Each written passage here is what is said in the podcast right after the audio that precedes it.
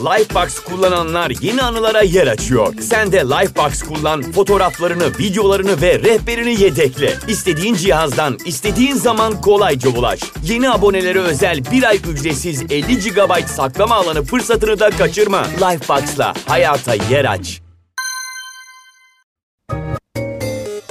Merhaba mitoloji meraklıları.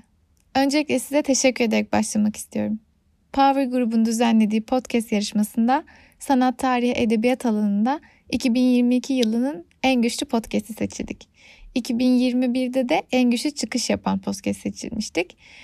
E, oylarınızla destek olduğunuz için çok teşekkür ederim. Çünkü belki birçoğunuz biliyorsunuzdur podcast alanı henüz YouTube gibi bir seviyede değil. E, podcasterların kazanç sağlama imkanı çok kısıtlı. O yüzden bizleri takip etmeniz, beğenmeniz, paylaşmanız, oy vermeniz bize en büyük destek. Çok teşekkür ediyorum. Ödül alırken de belirttim. Mitoloji dediğimiz dinlerin çoğu doğa dini. Dolayısıyla ben mitolojiyi anlamaya doğayla bütünleşme fırsatı olarak bakıyorum. Mitolojiyle ilgilendikçe evrene farklı bir gözle bakıyorum ve ondan büyüleniyorum. O yüzden bu alanın bu kadar benimsenmesi beni çok mutlu ediyor. Bu bölümde İskandinav mitolojisinin çok önemli bir konusunu konuşacağız. Asir Vanir Savaşı'nı. Yani birinci seviye tanrılarla ikinci seviye tanrılar arasındaki savaşı. Ama sadece onunla kalmayacağız. Çünkü bu bölümde cadılar, devler, cüceler, köleler neler neler var. Şimdi canavarlar, devler, cüceler, elfler, insanlar gibi birçok farklı türün yani birçok farklı ırkın olduğu bir evrende tanrıların kendi aralarında Asir Vanir diye gruplaşması aslında ilk bakışta bize garip gelebilir. Ama bu gruplaşma insanların iki önemli grubuna işaret eder. Asir tanrıları savaşçıları, Vanir tanrıları ise işçileri, tarımla uğraşanları temsil eder. Bu iki grup o dönemin şartlarında, o dönemin toplumlarında yer yer beraber ve uyum içinde yaşarken yer yer çatışırlar. O yüzden tanrıların arasındaki durumun da bunu temsil ettiği düşünülüyor. Asir ve Vanir tanrıları da bazen çatışırlar, bazen beraber hareket ederler. Vanillerin asirlerden daha alt kademe olduğunun işaretlerinden biri de vanil tanrılarının asir tanrıçalarıyla evlenememesi ama asir tanrılarının vanir tanrıçalarıyla evlenebilmesidir. Yani vanir tanrıları ya vanillerden kız alıyor ya da devlerden. Bu arada Colorado Üniversitesi'nden Dr. Jackson Crawford'un aktardığına göre 12. yüzyılda yaşamış olan İzlandalı tarihçi Snorri asir kelimesiyle aslında Asya'nın kastedildiğini ve tariflere bakarak Vanaheim'ın da Avrupa ve Asya arasındaki bir ırmak kenarında olarak tarif edildiğini iddia eder. Eğer öyleyse İskandinav mitolojisinde en büyük tanrıların bölgesi olarak Asya'nın seçilmesi bayağı ilginç değil mi? Bu arada tanrılar böyle birinci kademe, ikinci kademe şeklinde ayrılıyor diye insanlar hep daha güçlü olduğunu düşünerek birinci kademe tanrılara tapınıyordu gibi düşünmeyin. Çünkü yapılan tanrı heykellerine ve tapınaklara bakıldığında anlaşılıyor ki İskandinav coğrafyasında bazı bölgelerde yoğun olarak Asir tanrılarına tapınılmış, bazı bölgelerde ise Vanir tanrılarına. Mesela özellikle bu inanca sahip paganların önemli bir dini merkezi olan İsveç'teki Uppsala kentinde vanil tanrılarına daha ağırlıklı tapınıldığı görülüyor. Şimdi bakalım bu iki grup tanrı arasında ilk savaş nasıl çıkmış? Asgard ilk inşa edildiğinde tanrılar arasında barış hakimdir. Edebi metinlerde bu dönem tanrılar için şöyle anlatılır. Satranç oynadıkları bahçelerinde hayat güzeldi. Altınları hiç eksik olmazdı. Peki her şey böyle toz pembeyken ne olur da tanrıların arasını bozar? Söylencelere göre vanil tanrıları bir gün ünlü cadı tanrıçaları Gulveig'i Asir tanrılarını ziyarete gönderir. Ya da Gulveig kendi kendine gider orası kesin değil. Amaçları Gulveig'in orada huzursuzluk çıkarması ve Asir tanrılarını etkisi altına almasıdır. Gulveig çok yetenekli bir cadıdır ve özellikle açgözlülük duygusunu uyandırmakta üstüne yoktur. Büyüleri çok etkilidir. O altın ve zenginlik konularını açtıkça hipnotize olmuşçasına onu dinlersiniz. Gözlerinizde hani böyle çocukluğumuzun çizgi filmi vardı ya Rich Rich oradaki gibi dolar işaretleri parlar. Böylece Gulveig sizi giderek etkisi altına alır. İşte o günde aynen böyle olur. Gulveig Odin'in salonlarından birinde misafir edilir. Tanrılar ve tanrıçalar onu karşılar. Gulveig altınlardan konu açar. Onları ne kadar sevdiğini, altının ne muhteşem bir şey olduğunu anlatır durur. Tam burada söylenceler ikiye ayrılıyor. Bir görüş şöyle diyor. Tanrılar Gulveig'in etkisine girdikçe gözlerini hırs bürür ve Gulveig'in altınlarla ilgili sahip olduğu tüm sırları öğrenmek için onu öldürmeye karar verirler. Diğer görüşte şunu savunuyor. Tanrılar bu cadı tanrıçanın çok tehlikeli olduğuna ve onsuz bir evrenin daha iyi olacağına karar verirler. Çünkü onun aşıladığı altın hırsı, açgözlülük yüzünden asıl erdemler olan onur, sadakat, hukuk gibi kavramlar bir kenara itilebilir, düzen bozulabilir ve Gulvek büyüleriyle asil tanrılarını etkisi altına alıp kaos yaratabilir. Bu yüzden onu yok etmek üzere anlaşırlar. Önce cadıya işkence etmeye başlarlar. Hepsi cadıyı tek tek silahıyla yaralar. Gulveg'i mızraklarıyla delik deşik ederler. Ancak ona hiçbir şey olmaz.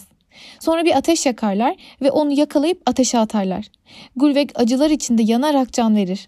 Ama hemen sonra küllerinden tekrar dirilir. Tanrılar şok olurlar. Gulveg'i tekrar yakalayıp tekrar ateşe atarlar ama o tekrar dirilir. Bu olay üçüncü kez tekrar edince tanrılar onu öldüremeyeceklerini anlarlar.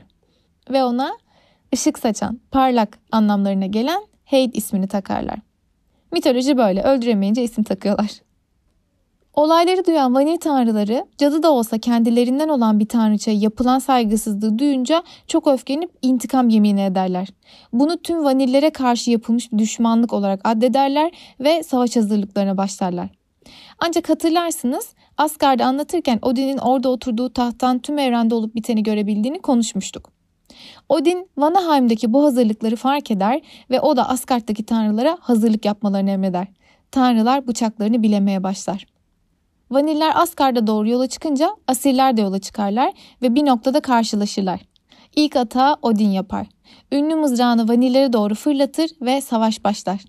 Ama asiller birinci seviye, vaniller ikinci seviye tanrı diye asiller daha güçlü gibi düşünmeyin. Çünkü vaniller büyüleriyle Asgard'ın o devasa surlarını darma duman ederler. Asiller de güçlü silahlarıyla vanillere öyle bir saldırır ki saldırıları ta Vanaheim'a kadar ulaşır ve oldukça yıkıcı olur. Asiller kaba kuvvette, savaşmada çok iyiyken vaniller de büyüde çok iyidir. Mücadelede iki taraf hemen hemen eşit güçlerde saldırınca savaş bir türlü sonuca ulaşmaz. İki taraf da artık çok yorulmuştur ve ateşkes yapmaya karar verirler. Baya zorunlu barış yani. Kocaman bir masa kurarlar ve çalgılı çengili bir ziyafet çekerler kendilerine. Kurmayı planladıkları barış ortamını güçlendirmek için de birbirlerine bağlılık yemin ederler. Bunun göstergesi olarak bir fıçının içine tükürürler. Tükürüklerin birbirine karışması ve DNA'ların birbirine karışması gibi aralarında güçlü bir bağ kurulduğunu sembolüdür. Bu iğrenç gelenek Viking toplumunda da kendini gösteriyor. Birbirlerine yemin ederken bir savaş öncesi yani önemli bir şey olacağında vesaire insanlar bunu yapıyormuş. Hatta filmlerde dizilerde görürüz o suda ellerini burunlarını temizleyen de oluyor. Neyse işte bu fıçıda bazı DNA'lar biriktikten sonra ''Aa biz neden bundan bir şey yaratmıyoruz?'' diye düşünüp Kvasir'i yaratırlar. Lifebox kullananlar yeni anılara yer açıyor. Sen de Lifebox kullan, fotoğraflarını, videolarını ve rehberini yedekle. İstediğin cihazdan, istediğin zaman kolayca ulaş. Yeni abonelere özel bir ay ücretsiz 50 GB saklama alanı fırsatını da kaçırma. Lifebox'la hayata yer aç. Kvesir tanrı görünümündedir. Yani sonuçta tanrıların tükürüklerinden doğdu. Ve iki taraf arasındaki barışın sembolü olur. Yeryüzündeki en bilgi kişilerden biridir. Diyar diyar dolaşır ve konuştuğu kişilere bilgilerini aktarır. Bakın bilgi çok önemli. Kvasir'e tekrar döneceğim ama tanrılar arasında barış sözü verildikten sonra ne oldu onu bir hatırlayalım. Önceki bölümde tanrılar arasında barışı korumak adına birkaç tanrı geçişi yapıldığını anlatmıştım. Hatırlayalım onu. Asirlerin temsilcisi olarak Honir seçilir ve Mimir'le beraber e, Vanaheim'a gönderilir. Çünkü bu ikilinin yönetimde iyi şeyler başaracağına inanılır. Vanillerin temsilcisi olarak da deniz tanrısı Njord ve oğlu bereket tanrısı Frey asirlerin arasına gönderilir. Sonradan bunlara Freya da eklenir. Bu saydıklarım çok önemli tanrılar bu arada. İsimlerini sıkça duyarsınız. Sonrasında Mimir'in başına gelenleri zaten biliyorsunuz. Biz dönelim Kvasir'e. Bilge Kvasir yine bir gün aydınlatıcı konuşmalar yapmak üzere diğer diğer dolaşırken iki cüce kardeş onu evlerine davet ederler. Cücelerin isimleri Fiyalar ve Galar. Fiyalar hile yapan, Galar çığlık atan anlamına gelir. Yani isimlerinden bile bu ikilinin bir hinlik yapacağı belli değil mi? Bunu anlamak için bilgi olmaya gerek yok. Ama bilin bakalım bizim Bilge Kvasir ne yapar? Daveti kabul eder. Demek ki bilgelik yetmiyor, saflık baki kalabiliyormuş. Ya da acaba Tehlikeli de olsalar onlar da Yggdrasil'in bir kulu sonuçta. Onlara bilgeliğimden bahsedeyim diye mi düşündü acaba bilmiyorum. Fikirlerinizi bana Instagram'dan iletin. Cüceler Kvasir'i öldürürler ve kanını testilere çanaklara doldururlar. Bu kanı balla karıştırırlar ve bir şarap elde ederler. Öyle bir şarap ki içene şairlik ve kahinlik yetenekleri kazandırır. Kvasir'in ortadan kaybolduğunu fark eden asil tanrıları onu en son görenlerin bu cüceler olduğunu öğrenince durumu soruşturmaya giderler. Cüceler Kvasir'in kendi bilgeliğinde boğulduğu yalanını söylerler. Konu kapanır. Yalnız bu ne orijinal bir yalandır ya. Cüceler onun bilgeliğiyle hava atmasına gıcık olup keşke o bilgilerin içinde boğulsan diye ifrit olmuşlar da bu yalanı bulmuşlar gibi. Günlerden bir gün cüce kardeşler bu kez de evlerine Gilling isimli bir devi davet ederler. Gilling de bu iki kardeşin sinsiliğinden habersiz olacak ki eşiyle beraber davete icabet eder. Cüceler ''Aa Gilling hadi gel biraz denizde gezintiye çıkalım'' diyerek onu kayıkla gezintiye çıkarırlar. Devin eşi evde kalır. Ancak gelin görün ki dev Gilling yüzme bilmiyordur. Ya Gilling yüzme bilmiyorsan niye kabul ediyorsun şunların teklifini? Bir, bir hani böyle bir şüphelenmedin mi yani orada? Bunun farkında olan cüceler var güçleriyle Giling'i kayıktan itmeyi başarırlar ve zavallı Giling oracıkta can verir. Cüceler eve dönüp devin karısına durumu denizde bir kaza oldu o da maalesef kazada hayatını kaybetti yalanıyla anlatırlar tabii ki. Kadın çok üzülür. Sürekli ağlar. Bir türlü susmaz. Onun ağlaması giderek cücelerin sinirini bozar ve kadından da kurtulmanın bir yolunu düşünürler. Hadi gel gidip sana onun öldüğü yeri gösterelim derler. Kadın üzüntüyle karışık bir merakla kapıya yöneldiğinde cüce kardeşlerden biri çoktan kapının üstüne çıkıp bir yere gizlenmiştir bile. Dev kadın kapıdan çıkmak için adımını attığı anda cüce onun kafasına bir taşı ölümcül bir darbeyle indirir ve kadın ölür. Hikayenin buraya kadarki kısmı bence bize şu mesajı veriyor. İster tanrıların bir araya gelerek özene bezene yarattığı çok bilge biri ol, ister devasa cüsseli, görene korku salan bir dev. Eğer karşında sinsilik varsa, ve bakın sinsilik burada aslında cücelerden kaynaklanıyor. Yani bir devin karşısında ya da bir tanrının karşısında bir cüceden bahsediyoruz. Onu küçümseriz aslında değil mi? Ama karşında sinsilik varsa ne bilgeliğin ne de gücün seni koruyabilir. O yüzden ben sinsiliğe karşı Türk filmi iyimserliğiyle ya da sana tokat atana öteki yanağını çevir gibi Hz. İsa öğütleriyle savaşılacağına inanmıyorum. Giling'in oğlu Sutung Anne ve babasının kayboluşunun ardından onları bu iki cücenin öldürdüğünü anlayınca ne yapar eder cüceleri yakalar ve kaçamayacakları hırçın dalgaların yaladığı bir kayalığa bırakır. Cüceler onları ölüme terk etmesin diye Sutung'a yalvarsalar da onu bir türlü ikna edemezler. Sutung anne babasının intikamını almaya kararlıdır. Ama sonra cüceler ona reddedemeyeceği bir teklif yaparlar. Kendilerini bu kayalıktan alıp serbest bırakması karşılığında ona Kvasir'in kanından yaptıkları şarabı vermeyi vaat ederler. Sutung içini şair ve kahin yapan bu şarap fikrinden çok etkilenir. Şarabı alır ve cüceleri serbest bırakır. Bu şarabı bir dağa saklar, başına da kızını bekçi olarak diker. Bir süre sonra Odin bu şaraptan haberdar olur ve ondan tadıp anlatılan yetenekleri kazanmak ister. Önce Sutung'un kardeşine gider. Kardeşinin bir çayırda sürekli saman kesen dokuz kölesini görür. Kimliğini gizleyip köleleri tırpanlarını bilemeyi teklif eder. Köleler bunun için yanına koşunca da bir el çabukluğuyla hepsinin birbirini öldürmesine sebep olur. Sonrasında hiçbir şey bilmiyormuş gibi efendileriyle tanışır yani Stug'un kardeşiyle. Adam onu evinde misafir eder ve kölelerinin hepsinin öldüğünü çok zor bir durumda olduğunu anlatır. Odin yani kılık değiştirmiş haliyle ona der ki üzülme eğer içeni şair ve kahin yapan o şaraptan bana biraz verirsen ben o dokuz kölenin işini tek başıma yaparım. Adam düşünür. Tamam der. Yalnız şarap benim değil. Eğer bu kış boyunca o dokuz köleyi aratmayacak şekilde çalışırsan içmene yardımcı olabilirim. Odin verdiği sözü tutar, kış boyu adamın yanında çalışır. Sonunda hadi verdiğin sözü tut, beni şaraba götür der.